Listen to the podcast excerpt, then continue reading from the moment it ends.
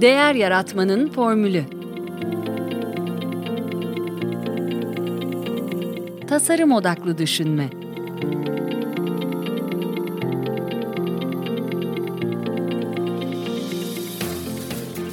Merhaba, ben Mete Yurtsever. Ee, Değer Yaratmanın Formülü Podcast'inde bu haftaki konuğum e, Yılmaz Erciyes.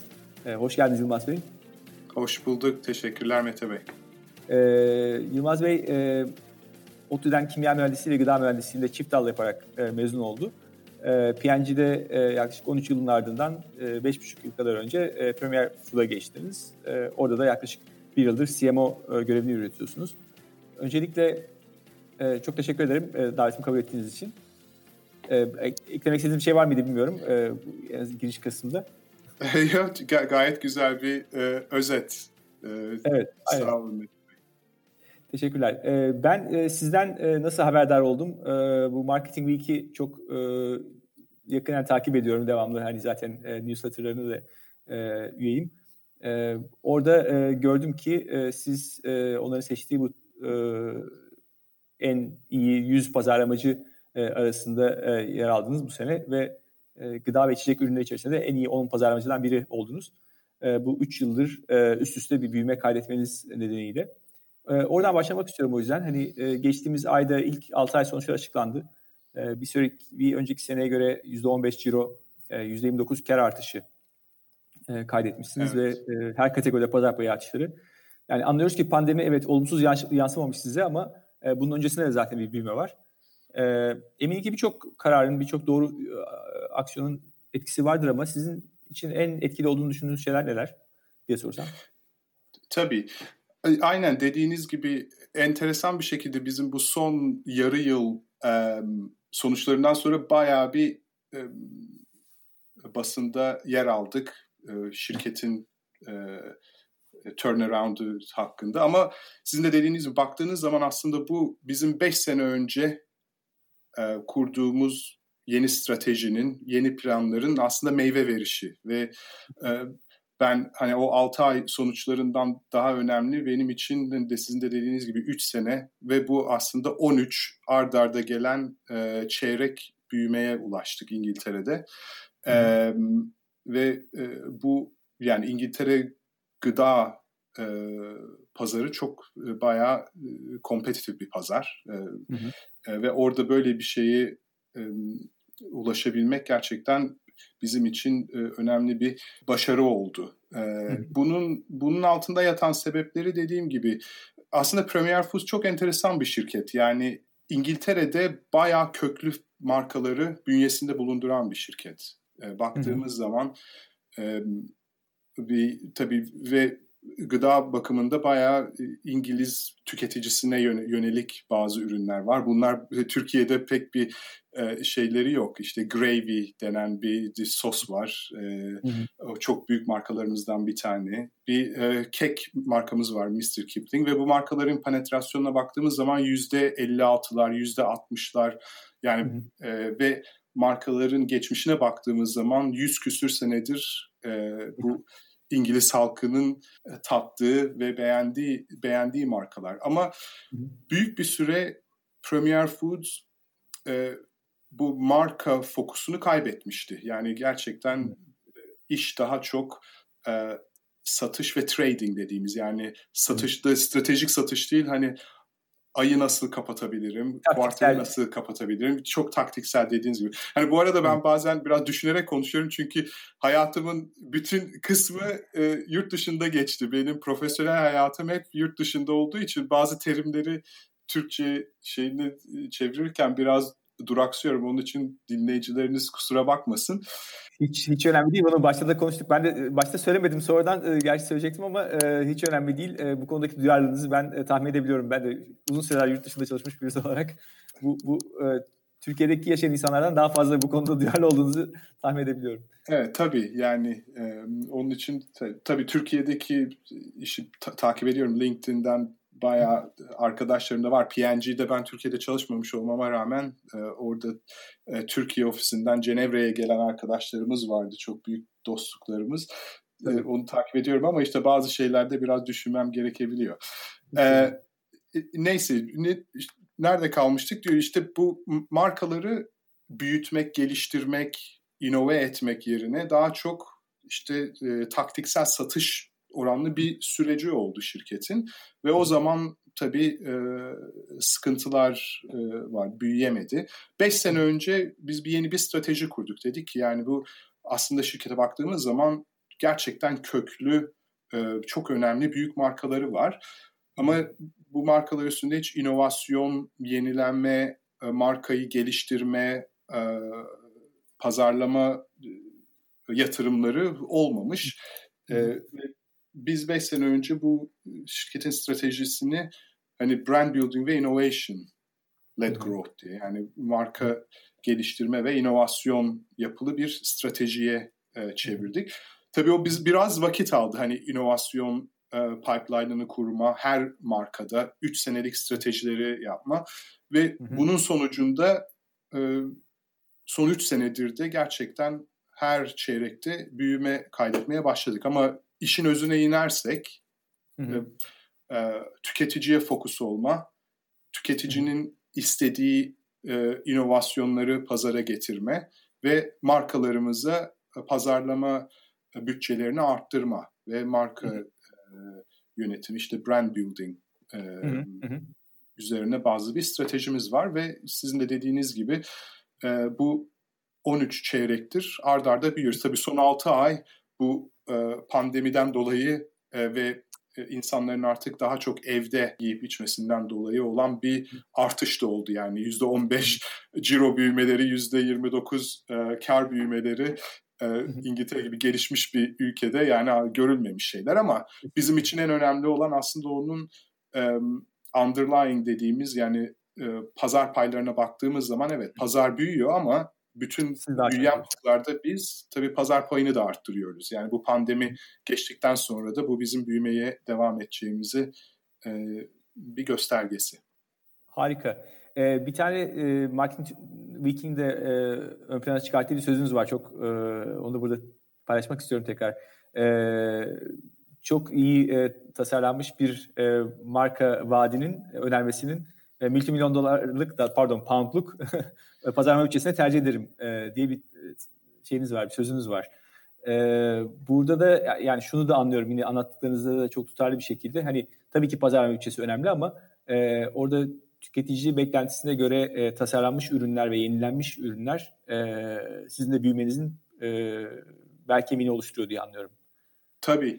Aslında enteresan bir şekilde onun e, gerçekten o bütün benim verdiğim bir 15 dakikalık konuşmada e, alınıp şey yapılması beni sevindirdi. Çünkü hı genelde mesela ben takımla atıyorum bir e, markamızın problemleri var veya bir inovasyon yaptık işte çalışmıyor satış. Yani genelde hemen aa işte şu kadar pazarlama bütçemiz bu kadardı ama bu kadar değildi. E, onun için çalışmadığı gibi şeyler oluyor ama ben her zaman baktığımda eğer bir inovasyon veya bir marka büyümüyorsa bunun hiçbir zaman sebebi o yeterli pazarlama bütçesi olmadığından olmuyor. Çok güzel. Hı hı. Tabii ki pazarlama bütçesi çok çok önemli ama hı. pazarlama bütçesinin çalışması için bu özünde sizin çok iyi dizayn ettiğiniz bir e, ürünün olması lazım. Markasıyla ama ve ben bu dizayn ettiğiniz ürün derken sadece mesela şu an ben gıda sektöründe çalışıyorum. İşte tadının güzel olması, etc., sağlıklı olmasın değil sadece. Tabii onun paketinin nasıl göründüğü, markasının nasıl göründüğü ama bu yani o proposition dediğimiz Hı-hı. olay bu ürünün çok iyi dizayn edilmiş olması lazım. Eğer bu Hı-hı. olmuşsa o zaten büyümesiyle kendi pazarlama bütçesini oluşturuyor. Anlatabiliyor muyum? Zaten bu bir P&L e, management'ı yani evet, e, evet. Ama eğer o ürünü dizayn edememişseniz yani 10 milyonlarca dolar, pound, e, Türk lirası pazarlama bütçeniz de olsa o eninde sonunda e, başarılı olmuyor. Yani benim bu son neredeyse 20 senedir değişik ürünleri, değişik markaları yönetme tecrübemden edindiğim bu. Yani biz e, e, Premier Foods'da da olsa, benim P&G geçmişimde de olsa, eğer bir ürünü iyi dizayn edememişsek Yani Hı-hı. milyonlarca dolar para harcasak da tabii ki bir kısa dönemli bir e, peak elde ediyorsunuz ama sonuçta repeat e, rate gelmiyor. E, ve o satışlar yavaş yavaş düşmeye başlıyor ve e, e, pazarda tutunmanız imkansız oluyor. E, katılıyorum. E, peki yani aslında biraz bir, bir ölçüde cevap vermiş oldunuz ama şey soracaktım. E, Premier Foods'la e, P&G'yi karşılaştırdığınız zaman e, pazarlama kültürü açısından veya e, bu pazarlama anlayışını şunu sormak istiyorum aslında. Yani ülkeden ülkeye, kategoriden kategoriye değişen bir şey olduğunu düşünüyor musunuz? Yoksa e, bir takım e, pazarlama esasları bu konuştuğumuz gibi hani e, doğru tasarlanmış bir e, ürün gibi. E, ama bunun dışında da bir takım faktörler var mı sizce? Ya bence pazarlamanın ana ilkeleri tabii benim bütün pazarlama tecrübem bu fast moving consumer good dediğimiz hani evet. paketli e, tüketici ürünleri sanırım. Hızlı tüketim ürünleri evet. Hı-hı. Evet hızlı tüketim ürünleri evet. O, o sektörde oldu ve buraya baktığımız zaman pazarlamanın ana ilkeleri hani ben tabii Türkiye pazarında çalışmadım. Genelde bütün tecrübem hani Avrupa pazarında oldu. Biraz Hı-hı. Doğu Avrupa ama çoğu Batı Avrupa. Kategori arasında ana ilkeler aynı. Um, ama mesela e, hani P&G ile Premier Foods arasındaki fark ederiz. Yani P&G benim gerçekten işi öğrendiğim e, ve her zaman benim kalbimde çok büyük bir yeri olacak bir şirket. Yani hı in, inanılmaz bir şirket. Yani sadece profesyonel açıdan değil kişisel açıdan da bana çok büyük bir etkisi olan ve bana bir sürü dost kazandırmış e, bir şirket. Yani üniversiteden çıkıp e, Belçika'ya gittik. İlk defa Türkiye dışında uzun dönemli yaşadığımız zaman tabii arkadaşlıklar falan hep bu şirket sayesinde oldu. um, tabii Premier Foods'a baktığım zaman şirket olarak bambaşka. E, ve pazarlama açısından eğer iki e, temel fark bence yani Premier Foods ve P&G arasında e, bir e, ilki Premier Foods P&G gibi global bir şirket değil. Tabii hızlı büyüyen bir uluslararası e, kısmımız var ama işin büyük bir kısmı İngiltere.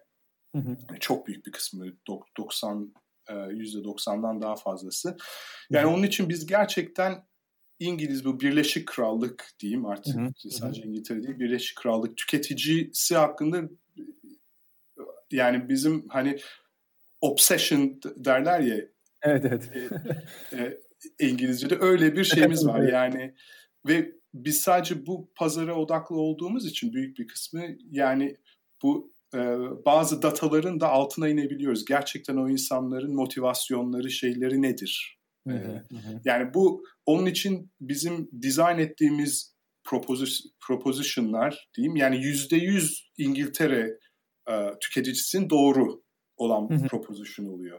Ha, mesela P&G gibi global şirketlerde tabii ki bir global scale var. Yani o genelde e, en iyi her ülkede yüzde seksen iyiyi tutturabiliyorsunuz. O da şanslıysanız. Anlatabiliyor Hani bu e, onların sistemlerinin, kültürlerinin farklı olduğundan değil. Yani bence Hı-hı. yani bence dünya e, klasında sistem, kültür var ama yani bu Hı-hı. bir e, şirketin e, birçok coğrafi, coğrafyada e, çalışmasından dolayı yapması gereken bir şey. Yani kaçınılmaz bir durum, evet. A- aynen, evet. kaçınılmaz bir durum.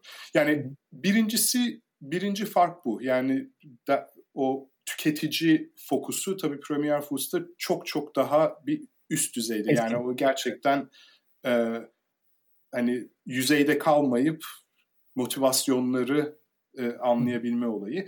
Hani ikinci bir fark da pazarlama kültürü olarak bizim mesela pazarlama direktörlerimiz gerçekten bir genel müdür gibi. Yani bütün e, markanın veya genelde pazarlama direktörleri bir kategoriye e, bakıyorlar. Birkaç markanın e, olduğu kategoriye. Hani biz şirket olarak yani beş ana kategoride e, e, bulunuyoruz. Onlar da gerçekten bir genel müdür gibi e, o işi idare ediyorlar. Yani 3 senelik stratejiden tutun e, kapital e, yatırımından tutun hı hı. E, eğer fabrikaya bir yatırım yapılması gerekiyorsa ondan tutun e, ve hani day to day haftalık e, P&L ownership'ine kadar. Yani bu e, iş hani birimini Evet. Aynen öyle. Yani bir genel müdürlük pozisyonu gibi e, bizdeki marketing direktörleri. Hani büyük şirketlerden pazarlama olarak en büyük farkımız farklarımızdan bir tanesi de bu. Hani bizim marketing e, pazarlama direktörlerimizin gerçekten bir genel müdür e, profilinde olmaları gerekiyor. Yani her şeyden anlamaları gerekiyor. Anlatabildim mi? Sadece Aynen. marka yönetmekten ziyade bunun bütün e, şeylerini anlamaları ve Peki bu, gerekiyor. bu hale nasıl gelmiş? Yani bu baştan beri mi böyleymiş yoksa bu biraz sizin getirdiğiniz bir şey mi? Bir de bunu şunu merak ediyorum. Hani bu ağırlığın e, herkes kabul ediyor ve hissediyor. Bu bu uyumu, bu işbirliği ortamını nasıl sağlıyorsunuz bunu çok merak ediyorum. Çünkü aslında benim de inandığım hani pazarlamanın e, şirketin tabii ki e, şeyi yani ana e, beyni hem de motoru olması gereken e, bir konumda görüyorum ben de aynı şekilde ama e, genelde bunu e, farklı e, departmanların, farklı direktörlerin e, bir e, bazen ego savaşlarına yol açtığını da e, biliyoruz. Bunu nasıl evet. e, sen geliyorsunuz onu merak ediyorum. Ee, yani çok doğru bir ko- konuya parmak bastı. Şimdi bu bu döneme nasıl geldik? Tabii bu ilk stratejinin biz şirketi hani trading'den fokusunu trading'den e, brand building ve inovasyona getirdiğimizle başladı bu. Biz hani brand director e, konseptini getirdik. İşte kategori marketing direktörü. E, organizasyonda bu değişim işte 5-5,5 sene öncesine dayanıyor. Hatta ben de şirkete girişim bir kategori marketing, pazarlama direktörü olarak hı hı. girdim. Bir kategoriden sorumluydum. Biz hani diğer fonksiyonlar arasında bu harmoniyi nasıl sağlıyoruz da çok doğru bir konu. Dediğiniz gibi yani pazarlama ve satışta her zaman bir şey vardır değil mi? bu sağlıklı bir sürtüşme mi denir? Rekabet. Yani sağlıklı evet. bir rekabet evet. Ve ben Sadece o da değil yani mesela e, yani finans da pazarlamayla uğraşır, e, üretim de pazarlamayla uğraşır. Yani herkesin arasında birbirinin bir doğru. dengesi. Evet yani bu, bu çok doğru. Sanırım bizim bizim bir farkımız e, yani şirketin cirosu büyük olmasına rağmen biraz daha e, lean bir organizasyonuz. Yani çok e, e, hani fazla layer'ımız, management layer'ımız yok. E, ve bizim exec takımına baktığımız zaman hani Alex CEO'muz ve onun exec'i ben de exec e, memberlarından biriyim. Hı-hı. Ya gerçekten bence organizasyon bu ara, aramızdaki harmoniyi hissediyor. Yani bizde Hı-hı. bir benim kişisel değerlerimden bir tanesi de e, işi sahiplenme olayı. Hani ownership dediğimiz Hı-hı. bir olay. Yani biz şirkette hiçbir zaman tabii ki fonksiyonel ekspertiz çok önemli. Hı-hı. Biz pazarlamacının pazarlamayı anlamasını isteriz. Satışçının satışı iyi bilmesini isteriz. E, operasyonun operasyonu iyi bilmesini isteriz ama biz bir konuyu tartışıyorsak bizim fokusumuz şirketi nasıl daha iyi bir yere getireceğimizdir. Yani o benim fonksiyonel ajandamı nasıl ilerleteceğim değildir. Hani bu tabii herkes bunu e, elde etmek ister ama böyle çok global ve matrix organizasyonlarda bu haliyle doğal olarak olmuyor. Çünkü işte bir region'ın president başkanı oluyor, e, bir kategorinin başkanı oluyor. İşte e, bizde öyle bir şey yok. Yani region da yok, global team de yok, kategori takımı da yok, e, ülke takımı da yok. Yani hepsi aynı. Dediğim gibi pazarlamacı yani hiçbir tarafa ya ben pazar, pazarımda başarıya ulaşamıyorum çünkü e, head office'ten insanlar doğru düzgün diz, proposition'ı dizayn edemedi gibi bir, bir yere parmak uzatma lüksü yok kimsenin. Çünkü kendi pişirip kendi yiyor. Anlatabildim mi?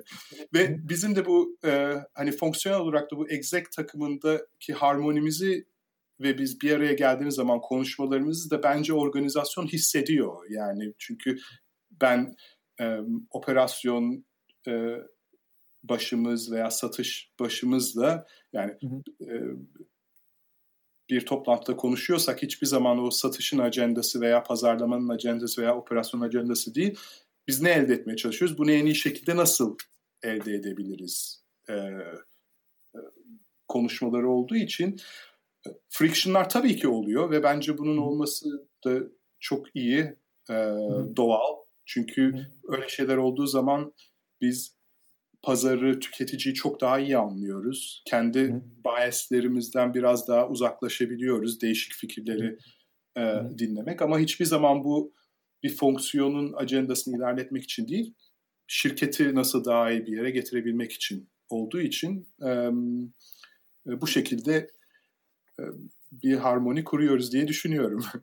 Harika. Bence aslında bende yine bir e, ampul yandı. Yani e, bazen e, şey bile düşünsem de yani bir şirket kendinden ibaret. Hani başka ülkelerde operasyonu belki yok ama e, şey olduğu zaman o onun tepesinde yine de onların işine karışan birisi, bir holding e, veya işte başka bir birileri olduğu zaman belki orada şeyler işler çetrefilleşiyor. Yani e, evet. insanlar bir taraf e, olma durumuna geçiyorlar bazen dediğiniz gibi.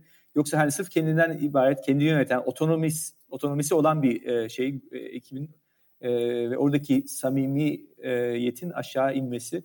Bütün mesele zaten bence herkesin baktığı yer sizlersiniz. Yani yönetim ekibine bakıyor. Herkes oradan e, yani walk the talk, işte talk the walk ne derler o hikaye Aynen. E, geliyor. E, dolayısıyla e, bir tesadüf değil bir yandan ama bence yine de çok başarılı bir şey. E, eminim ki başarınıza da çok büyük etkisi vardır. Tam e, satış pazarlama konuşmuşken e, onunla ilgili çok merak ettiğim bir konuyu size sormak istiyorum. Evet Türkiye pazarından uzaksınız ama e, eminim benzer sıkıntılar siz de yaşıyorsunuzdur. Bu e, satışla pazarlama arasında satış tabii ki işte e, bir hacim e, tutturmaya gider. E, onun için e, yaptığı e, anlaşmalar, e, zincirler anlaşmaları da çok önemlidir. E, Türkiye'de de bu discounterlar çok büyük bir e, ağırlığa ulaştı. E, ve orada da maalesef e, hala Türkiye'de işler e, fiyat bazında konuşuluyor e, veya en azından ödemek koşulları konusunda e, geçiyor diye düşünüyorum. E, siz bunu nasıl baş ediyorsunuz? Diskantörlerle e, o değer erozyonuna ulaş, e, gitmeden olayı nasıl çözmeye çalışıyorsunuz? Yani bir ben genel bir fikrimi söyleyeyim. Hani discounter biraz sizle de konuştuk öncesinde. E, discounterların kendi markaları e, hı hı. Ve bunların büyü, büyümesi. Evet.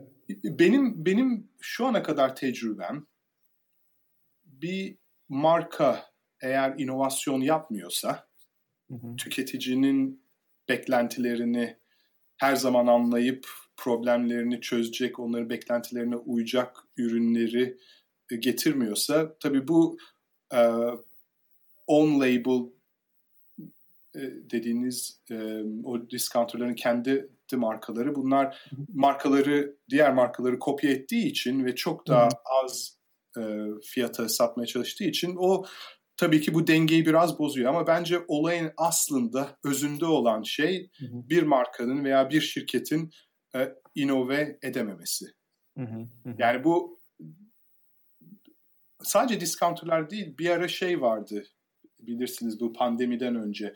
Aa büyük markaların zamanı bitti artık küçük markalar, hmm. tüketiciler. Evet. Yani baktığım zaman küçük markalarda hangi küçük markalar büyüyor? Neden büyüyor? Hmm. Benim kendi fikrim ve bak, baktığım şey onun özünde gerçekten çok güzel, inovatif bir ürün dizaynı yatıyor. Ya büyüyenlerde. Yani bir de tabii şöyle bir şey var. Yani milyonlarca küçük girişimci marka yaratıyor ama bunların çoğu e, fail ediyor yani. Biz sadece bunun başarılı olanlarını görüyoruz ve birden diyoruz ki aa demek ki her entrepreneur küçük marka direkt satıyor gibi bir şeyimiz de var. Başarılı olanlara baktığımız zaman her zaman özünde inovatif bir ay e, fikir. Bu price innovation olabilir veya product innovation, product feature innovation, how it's been packaged yani çok değişik e, şekilde olabilir. Yani benim ana şeyim bu. Eğer Türkiye'de böyle bir hani İngiltere'de var on label, private label. Sadece discounterlarda değil, e, büyük e, Türkiye pazarı çünkü çok e, konsantre olmuş bir pazar. Hani. Tesco, Asda, Sainsbury's gibi 4-5 tane büyük retailer pazarın neredeyse %80'ine sahip. Hı-hı. Ve onların kendi markaları var ve büyüyorlar. Hı-hı. Benim baktığım zaman her zaman o orada bir on label büyüyorsa bir bakıyoruz ki oradaki markalar inove edememeye başlamış. Tüketicinin e, e, ne istediğini anlayıp bunu karşılayacak ürünleri getirememeye başlamış. Hı hı. E, hani bir söylemek istediğim bu, inovasyon. Tabii ikinci bir şey de hani İngiltere'de bu var.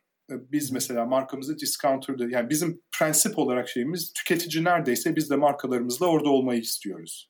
Anlatabiliyor muyum? Eğer tüketici discounter'da e, alışverişini yapıyorsa biz de markamızla orada e, olmayı istiyoruz. Ama tabii bunu yaparken e, dikkat etmemiz gereken şeyler var. Yani aynı ürünü siz bir channel'da bu discounter olabilir veya başka biri olur. E, discounter olmasına da gerek yok. Tesco veya Asda'da.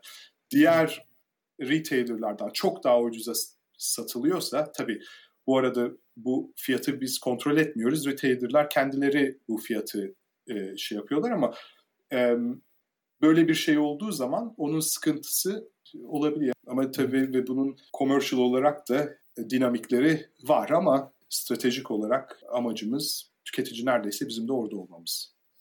Anlıyorum. Peki e, tüketiciyi, e, yani inovasyon içinde tüketiciyi iyi anlamak gerekiyor. Siz ne tür e, veriler kullanıyorsunuz? Ne tür tüketici verileri kullanıyorsunuz? E, veya işte takip ederken de böyle bir takım e, marka sağlığını takip eden bir takım e, metrikler kullanıyor musunuz? Onları merak ediyorum. Hani çok klasiği işte net promoter skorlardır, şudur budur ama e, başka sizin kullandığınız bir şeyler var mı? Merak ediyorum. Ya benim iki tane en önemli metrik her zaman günlük baktığımız bir pazar payı, okay. iki e, penetrasyon, marka penetrasyonu. Hani iki böyle her gün aksatmadan baktığınız hangi metrik var derseniz o iki şeydir. E, e, ve eğer bir tane seçmem gerekirse o da pazar payı. Çünkü Peki ama o şeyden mi geliyor? Yani e, elektronik e, geliyor ve çok hızlı haftalık mı geliyor? E... Pazar payı datamız haftalık geliyor evet. Ve genelde 8-10 gün öncesin kadar e, bir görüşümüzü sağlıyoruz. Ama kapsam olarak e, yüksek bir kapsamda mı? Yani bütün e, ticareti e, kapsama oranı ne kadar o veriler? Yani bütün satışlarımızın yüzde seksen, yüzde sekseninin üstünü kapsıyor. Gayet yeterli. Peki ben aslında iki soruyu karıştırıp da sordum. Yanlış oldu. Şöyle yani performans olarak buna bakıyorsunuz. Peki tüketici içgörüsü anlamında e, nelere bakıyorsunuz? Öyle bir de öyle sorayım genelde hani tü- tüketiciyi an, anlamak için bizim genelde programlarımız var. Hani işte bir mesela her sene 20-25 aileyi biz çok yakından takip edebil takip hmm. ediyoruz. Onların hani hayatları ne, daha genel bir şey sağlamak için. Ve bunun dışında tabii stratejimizin çok büyük bir kısmı inovasyon olduğu için bu inovasyon development sürecinde e, tabii consumer insight Hı. onun aslında odağında olan bir şey. Hani e, ama dediğim gibi bu günlük baktığımız bir şey değil. Genelde bazı terimlerde şey yapma tam Türkçe karşılıklarını bilmiyorum ama işte bir kategorinin usage and attitude study'lerimiz etc. Bu, bu gibi şeylerimiz var. Ee, ama bunlar genelde çok daha focused belki birkaç senede bir yapıp iyice derine inip her şeyi anlayıp trendleri anlayıp ondan sonra o bir sonraki 3 senelik inovasyon stratejimizi belirleyen büyük e, araştırmalar oluyor. Peki e, design thinking e, hakkında görüşünüzü alabilir miyim? E, tasarım odaklı düşünme diye çeviriyoruz hani Türkçe'de. E, siz uyguluyor musunuz veya belli aşamalarını yani gerçi mesela yaptığınız o 25 aileyi takip etmek e, o, o tür consumer immersion çalışmaları veya başka tür şeyler de bu kapsama giriyor bir yandan ama. Evet. E, yani design thinking'i uyguluyoruz. Hani e, e, şöyle mesela design thinking'in bizde hani, genelde 5 evresi var deniyor öyle değil mi? İşte tüketicide empati, Empatiden onun ihtiyaç, evet, e, ihtiyaçlarını anlama, e, problemlerini anlama ve buna sonra işte buna bir çözüm üretme, bunu prototype yapma ve e, test etme, iterasyon. Aynen. Bence Aynen. biz bu ilk üç e, stage'i gayet iyi yapıyor. Yani empati, tüketiciyi anlama, çözümler üretme ve bizim şu an bir shift yapmaya çalıştığımız alan bu rapid prototyping dediğimiz. Çünkü hani bilmiyorum Türkiye'de de muhtemelen böyledir. Biz e, hani satışlarımız retailerlar aracılığıyla olduğu için bir ürünü pazara sürmeden, pazara inmeden biz onun bir sene öncesinden prezentasyonunu yapıyoruz. İşte retailerlarla bunun pazarlığı sürüyor, Aynen. anlaşıyorsunuz ve bu döngü aslında çok uzun bir döngü. Yani bir şeyi lansmanını yapıp feedback'ini alıp bu loop'u tekrar dizayna çevirmek yani çok hızlı biz yapmaya çalışıyoruz ama bu bir sene 15 ay gibi. Hı hı. Şu an bizim düşüncemiz bu işte bu rapid prototyping, testing and learning'i nasıl daha çok azaltabiliriz? Hı hı. Ee, yani oraya daha fazla fokus olmaya çalışıyoruz ama yani gerçekten ajandamızda olan bir şey bu design thinking. Kesinlikle çok önemli bir aşama ve eminim yani tabii ki yalnız değilsiniz. Birçok e, şirkette e, işin bu e, bu netameli sürecini atlamayı ya atlamak zorunda kalıyor ya da atlamayı tercih ediyor. Çünkü hani bir şekilde bu baş edilemez ve manage edilemez bir şeymiş gibi, yönetilemez bir şeymiş gibi görülüyor. E, oysa ki hani şey de biliyoruz ki hani hem literatürden biliyoruz ki e, birçok varsayımımız e, yani çok emin olduğumuz bir takım şeylerde e, pazara çıktığında, tüketiciye karşılaştığında e, işe yaramayabiliyor, çalışmayabiliyor. Tabii ki yani e, sektörden sektöre değişik şeyleri var. Yani bu konuda herhalde en şanslıları IT firmaları. Hani e, bir ürün çıkıyorlar. E, ondan sonra bir şey yanlış gitti mi hop işte e, bir yeni bir sürüm evet. çıkartıyor. Bir şey patch ediyor oraya şey falan. Hani evet Kesinlikle. E, şeyde o kadar sanki hızlı tüketim ağlarında bütün o sistem çalışıyor gibi düşünülüyor ama e, onun da aslında hani küçük küçük e, denemeleri e, yerine göre yani bazen hatta şey bile yani bir reklam kampanyasının bile hani prototipini zaten hani yapılan şeyler bunlar bir yandan e, tüketici şey e, reklam testleri e, pre testleri Tabii. falan filan.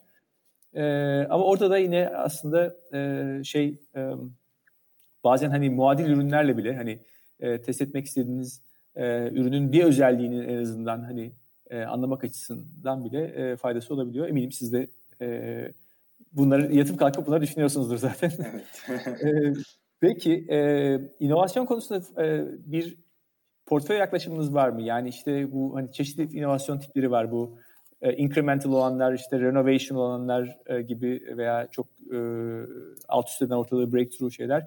E, siz sizin nasıl bir çabanız var ve bu çabaları nasıl yönetiyorsunuz, nasıl e, ölçüyorsunuz? Evet, bizim inovasyon stratejimiz genelde birkaç e, trende dayalı oluyor. Bu Hı-hı. tabii biz gıda sektöründe şey olduğumuz için indulgence Hı-hı. büyük bir trend. Tabii Hı-hı.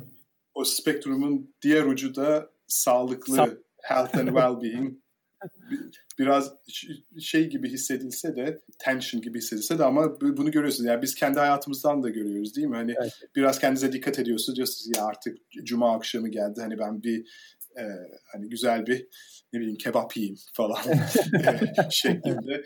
E, yani bu işte indulgence, health and well-being ve bunun arasında da işte e, convenience, food on the go dediğimiz ve snacking e, gibi beş ana ana trend de dayalı bizim bütün inovasyon e, inovasyon stratejimiz. Tabii bunun arasında da dediğiniz gibi daha e, near in dediğimiz sustaining innovation'lar var, new platform innovation var. Bazı markalarımızı bulunduğu kategorinin biraz daha dışına stretch, stretch ettiğimiz inovasyonlar var.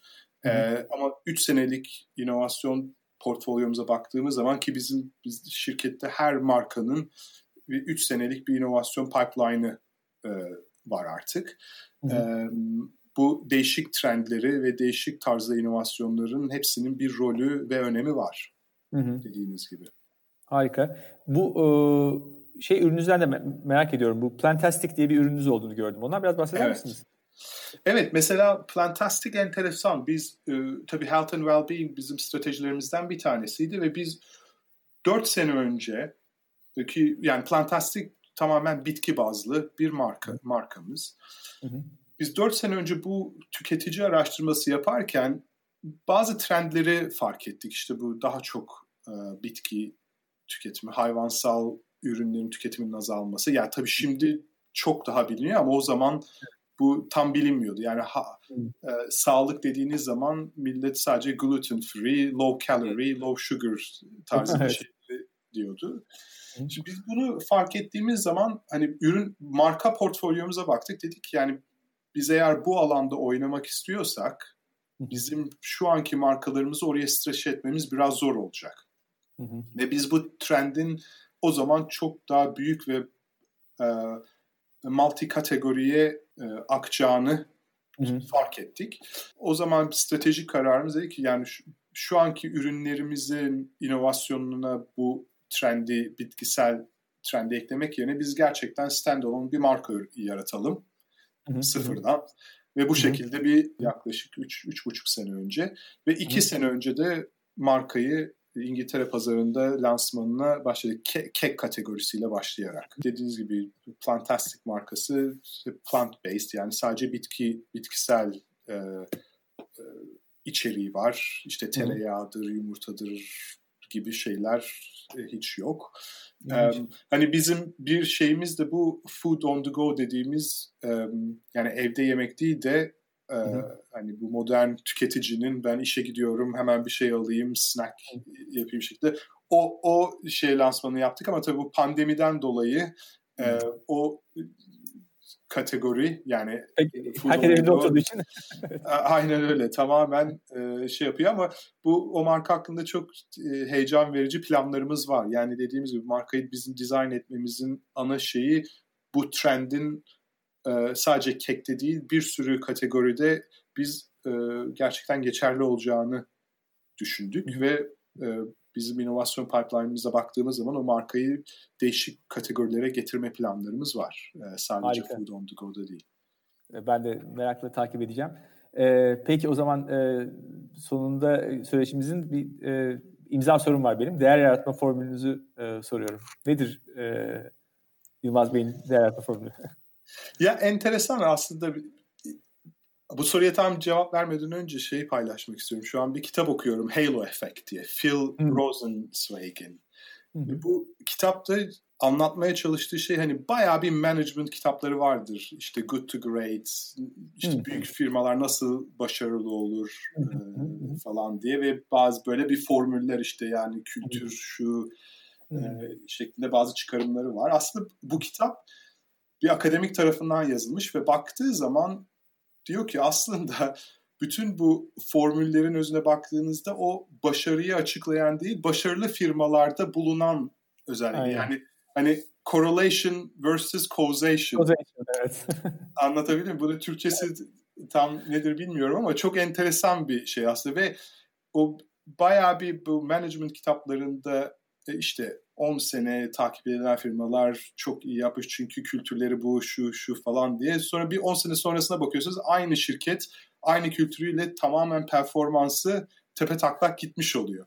Yani oradan da çıkarım e, Phil Rosenberg diyor ki yani herkes başarının formülünü bulmaya çalışsa da aslında maalesef şu ana kadar kimse bir şirket neden başarılı olur bunu bir formüle dökememiş.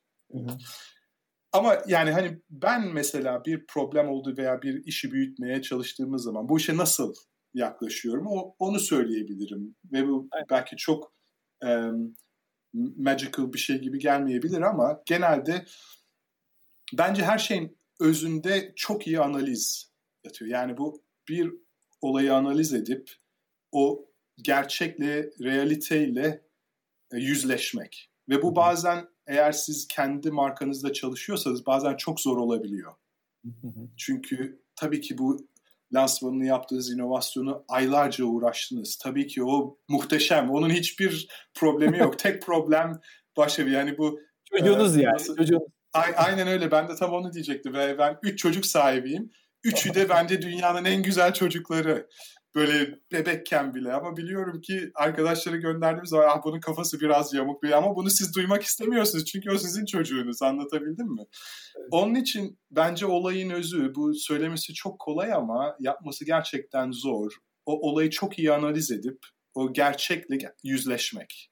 Hı hı hı. O gerçekle yüzleştiğiniz zaman onu e, çok e, clear birkaç stratejik e, seçeneğe dönüştürmek ve ondan sonra da tabii planlarınız, taktikleriniz bunu çok iyi uygulamak. Ama bu analiz ben mesela baktığım zaman bazı business'lar, brand, markalar neden e, e, uzun süreli e, performans sıkıntısı çekiyor? O çok iyi analiz yapıp o gerçekle yüzleşememekten dolayı. Onu bir anladığınız zaman zaten e, problemi anlamak derler ya hani çözümünün yarısından çoğunu bulmak demek. Ama işte o özündeki problemi anlayabilmek kısmı benim eğer bir e,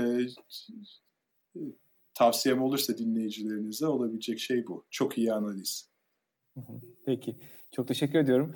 Ee, dinleyicilerimiz sizi herhalde LinkedIn'deki paylaşımlarınızdan takip edebilirler. Başka önereceğiniz e, bir kaynak var mı onlar için? Yani tabii hani LinkedIn'den takip edebilirler. Umarım faydalı olmuştur. Ee, dediğim gibi tekrar söyleyeyim hani hiç Türkiye'de çalışmadığım için bazı şeyleri e, artiküle edebilmekte biraz zorlanmış olabilirim. Kusura bakmasınlar. Umarım umarım e, faydalı olmuştur. Harika. Bence kesinlikle oldu. Çok teşekkür ediyorum tekrar. Ee, Rica ederim Mete Bey. Davetiniz için çok sağ olun. Teşekkürler. Teşekkür ederim. Bu podcast'te tasarım odaklı düşünme çerçevesinde hem yurt içinden hem yurt dışından kimi zaman davranış psikolojisi üzerine bir akademisyeni, kimi zaman bir tasarımcıyı, kimi zaman bir iş insanını, kimi zaman da değişim veya inovasyon üzerinde firmalara destek veren bir danışmanı ağırlıyorum. Amacım Türkiye'de bu konulara farkındalık oluşturmak. Buraya kadar dinlediğinize göre sizin de bu konulara ilgi duyduğunuzu anlıyorum. Sizden ricam güzel bir esnaf geleneğini devam ettirelim. Bu podcast'ten memnuniyetinizi arkadaşlarınıza, eleştiri ve önerilerinizi benimle paylaşmanızı istiyorum. Sanıyorum bunu en kolay LinkedIn üzerinden yapabilirsiniz. Beni ve Değer Yaratmanın Formülü sayfasını bağlantılarınıza eklerseniz çok memnun olurum. Desteğiniz için çok teşekkür ederim. Tekrar görüşünceye dek sağlıkla kalın, hoşçakalın.